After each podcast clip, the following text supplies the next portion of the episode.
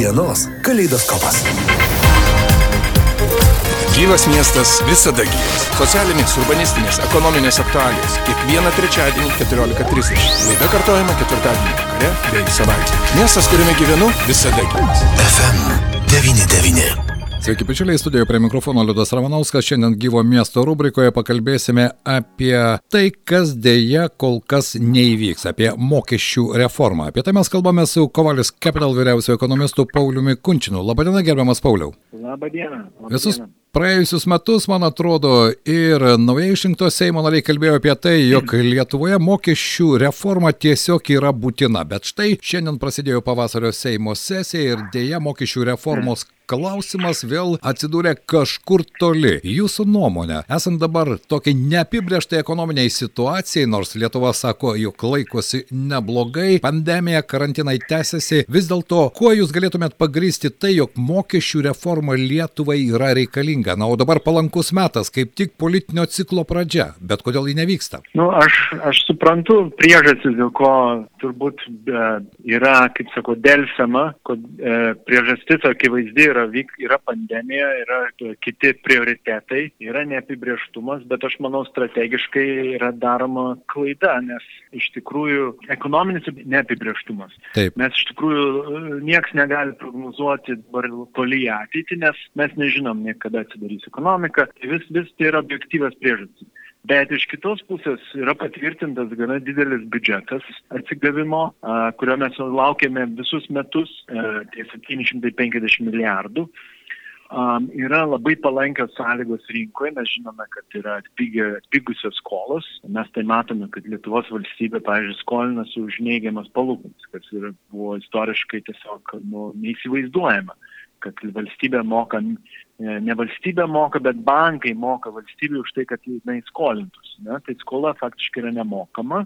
Fiskalinė situacija yra labai stabili ir dėl to iš tikrųjų dabar yra metas, kai reikia skatinti privatų sektorių, kad jie prisidėtų ir investuotų į tos projektus, nes kitaip grėsia ta vadinama trink, trinkalizacija, toks yra žodis, kai vėl viskas, visi pinigai to atsigavimo fondo nueis į asfaltą, į trinkelės ir iš to bus mažai naudos, kas liečia tolimesnį ekonominį augimą. Ir tame kontekste visos valstybės, kurios nu, tikrai planuoja apie transformaciją, ar tai būtų žalesis kursas, ar skaitmenizacija, ar kažkokie kiti infrastruktūriniai projektai, jie maksimaliai stengiasi motivuoti privatų sektorių, kad jie dalyvautų tuose projektuose, kad jeigu valstybė ten investuoja milijardą, tai jie nori 2 milijardus dar pritraukti iš privataus sektoriaus. Ir tai pakankamai yra, taip prasme, gerai sekasi kitom valstybėm. Ir vienas iš pagrindinių motivacinių įrankių, instrumentų yra mokesčiai.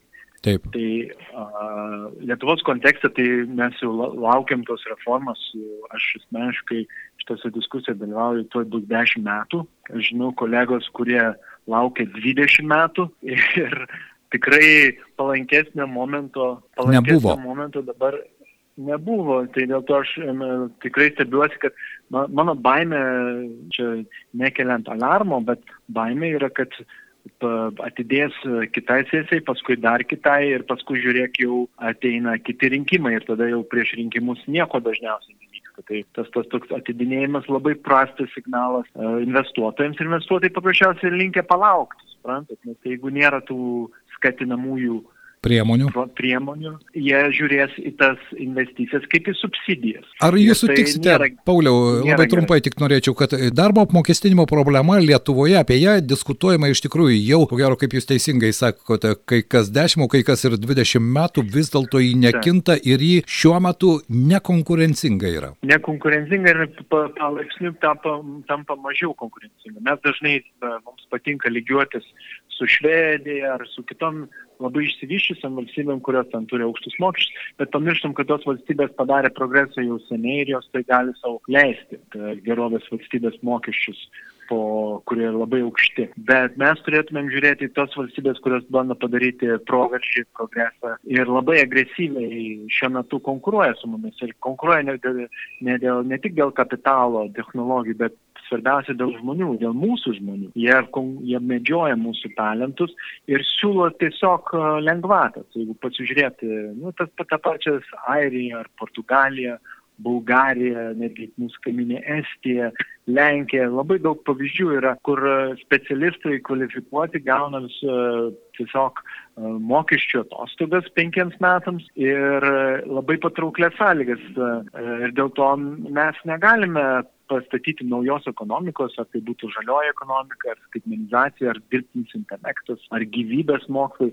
be tų e, gerai apmokamų specialistų, nes jie dabar šia, šiai dienai turi labai daug didelį pasirinkimą ir nu, mes turime privalome konkuruoti su kitom valstybėm, nes kitaip aš bijau, kad vėl investuosime į įrangą, į pastatus, ir vyksta ta, ta taip vadinama trinkelizacija.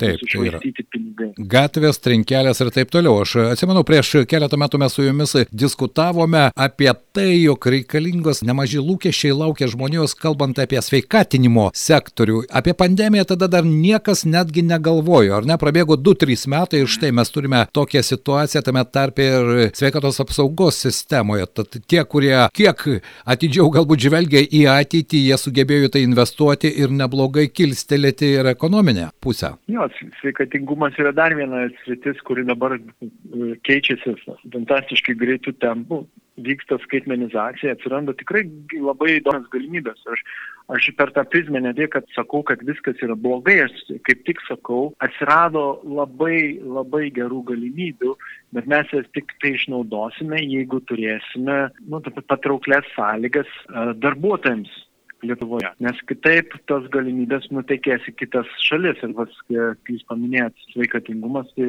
akivaizdžiai Lietuva turi šansą ir pati pasigaminti vakciną.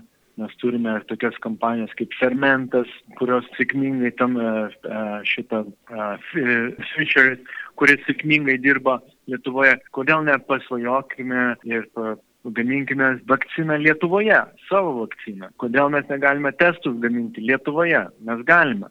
Mes galime gaminti elektromobilius baterijas, mes galime turėti saulės e, varmę energiją. Labai daug akivaizdžių pavyzdžių, kas e, tapo ne šiaip abstrakcija, kaip mes kalbėjom Taip. prieš 3-4 metus, bet realiai yra pinigai paruošti tiems projektams. Ir tai nėra skola, ES tos pinigus dovanoja. Čia jūs tai kalbate apie tą e, atsigavimo fondą, na, ten kažkur apie Taip. 2 milijardus 400 tūkstančių, ar ne, čia bus kaip dovanų, dovanų, dovanų ir, ir dar, kitas ir dar, dar paskolų paketas. Subsidijuojama lengvata, kur faktiškai reiškia nemokama, nemokama skola, kurią galbūt kažkada reikės gražinti, tai neaišku, kokiam sąlygom, bet tikrai negreitų periodų. Tai yra, nu, fantastiška injekcija naujų pinigų, naujo kapitalo. Tai yra kaip, nu, faktiškai pinigai naujam startui. Bet koks startuolis pasvajotų apie tokią sąlygą. Jeigu valstybė, įsivaizduojam, kaip startuolį ateina, taiga investuotojas tau sako, va, pinigai daryk plinam laukia, e, investuok į tai, ko į ką tiki, į savo ateitį. Kaip dažnai tau duoda tokiam sąlygom. Paprastai, kad įsivaizduokime verslas, kuris pradeda nuo nulio, jie kartais e, metinį susimoka nu, po 10, kartais 12 procentų metinį palūkanų. Taip. Ir jiems duoda paskolą trims metams geriausiu atveju, labai griežtos sąlygos. Čia mes gaunam uh, pirmiausia nemokamą injekciją didelį, nu, vaizduoju, dešimčiai metų su nuli, faktiškai nu, nuliniam palūkanom. Tai nieko, skola, kuri nieko nekainuoja. Tai įsivaizduokite, tai yra nu, fantastiška galimybė ir, ir sumos yra didelės. Iš viso mes kalbame apie virš 4 milijardų. Taip. Kas, kas susidaro beveik iki 10 procentų mūsų BVP. Tai jeigu dar įsivaizduokime, kad iš šono, iš privataus sektoriaus dar pritraukim aštuonis, nu ir tai jau susidaro labai labai rimta ženkli suma kuri Mes gali keisti.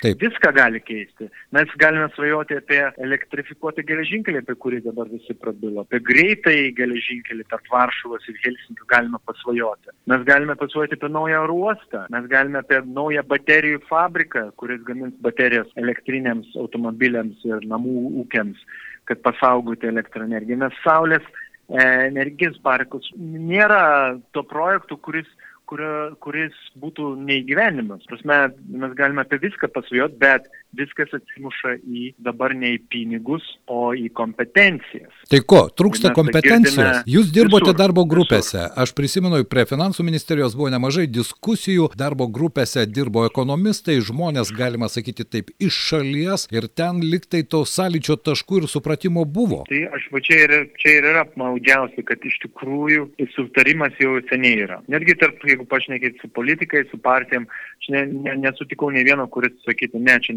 nesąmonės, nereikia šito. Jis sako, būdė, taip, aš suprantu, būtinai reikia daryti, darom, bet kai prieina reikalas, nu tai gerai, tai kur įstatymų projektas, kur tie postumiai, nu tai kur, kada bus balsavimas, kada, tada vis, vis, viskas atsimuša į tą politinę logiką, kad galbūt ne dabar, dar ne viskas suderinta, dar ne aš. Ir, ir tiesiog e, vyksta toks e, vilkinimas, yra toks, nu, vadinčiau, politinės drąsos valios nebuvimas. Suprantu, kad dabar Seimo dauguma yra nedidelė, suprantu, kad tie politiniai procesai trapus, aš suprantu, kad reikia išdiskutuoti viską iki galo. Tas yra savai aišku. Bet uh, aš vėl jaučiu, kad kartojasi istorija, kurią aš jau ma- ma- esu dėja matęs keletą kartų, kad pašnekam, pašnekam, pašnekam ir tada visi išsiskirsto ir galbūt kokia nors maža kosmetinė imitacinė reforma įvyksta. Ir realiai vėl nukeliama į ateitį, kita, kitai kadencijai, kitiems rinkimams. Taip, bet laikas Tai nelaukia. Aš, taip, mes, mes jau prarasime vieną kartą. Taip. Ta prasme, jau praeis, e, e, ta prasme, aš, man buvo, kai aš pradėjau kalbėti, dar, dar aš buvau jaunas 30 kelių metų vaikinas, dabar aš jau virš 40 ir aš jau galvoju apie ne apie save, apie du, dukros e, ateitį. Tai įsivaizduokit, kei, keičiasi kartos ir, ir tos kartos, nu, nelaukia, nu, jie, jie juk turi visas galimybės išvažiuoti, jie mato, kas vyksta kitur, dabar pasaulis tapo labai globalus, vis, visi dirba nuotoliniu būdu, ar tikrai labai svarbu, kur tu sėdi fiziškai. Nu ne, tai visi žiūri į kokias sąlygas mokestinės, kaip e, lengva Taip. uh, įsidarbinti ir taip toliau. Tai te, te, tas iš tikrųjų tapo labai labai svarbu darbuotojams ir dėl to mes kol kas visai nieko reikšmingo nesam padarę per paskutinius uh, penkis. Uh, dešimt metų. Žinau, kad buvo bandoma, bandoma įvesti sodros lubas, bet paskui pakėlėm GPM. Žodžiu, suma sumarom, Lietuva šiuo metu atsilieka gana stipriai nuo kitų valstybių, kurios realiai traukia talentus ir darbuotojus. Kągi, toks liūdnas šiek tiek piešinėlis, bet tai tikėkime, kad galbūt atsiras ta politinė valia, jo lab, kad kadencijos pradžioje aš vėl grįžtų prie to daryti štai tokius esminius pokyčius, esminės reformas yra pats palankus laikas, nes po to, kai tai persirita į antrą kadencijos pusę, jau visi pradeda galvoti apie artėjančius rinkimus ir ten jau staigių judesių nedaro, nes, na, neaišku, kaip rinkėjai reaguos, kaip pozicija opozicija susidėlios. Dabar buvo iš tikrųjų palankus laikas ir čia aš su jumis sutinku. Tik niekaip negaliu suprasti, kodėl vis dėlto nuspausti stabdžiai, jo lab, kad ir vyriausybėje jauni žmonės atrodo puikiai suprantantis, turintis kompetenciją ir galintis priimti sprendimus. Deja, viso to mes nesulaukime. Mūsų pašnekovas šiandien buvo Kovalis Capital vyriausias ekonomistas Paulius Kunčinas. Nesinori baigti tokią minorinę gaidą, bet tikėkime, kad vis dėlto tie atidėjimai nebus tokiam ilgam laikui. Studijoje prie mikrofono gyvo miesto rubrikoje su jumis buvo Liudas Ramanauskas. Gyvas miestas visada gyvas. Socialinės, urbanistinės, ekonominės aktualijos. Laidoje Gyvas miestas. Kiekvieną trečiadienį 14.30. Kartuojama ketvirtadienį vakarais bei savaitgaliais. Gyvas miestas visada gyvas.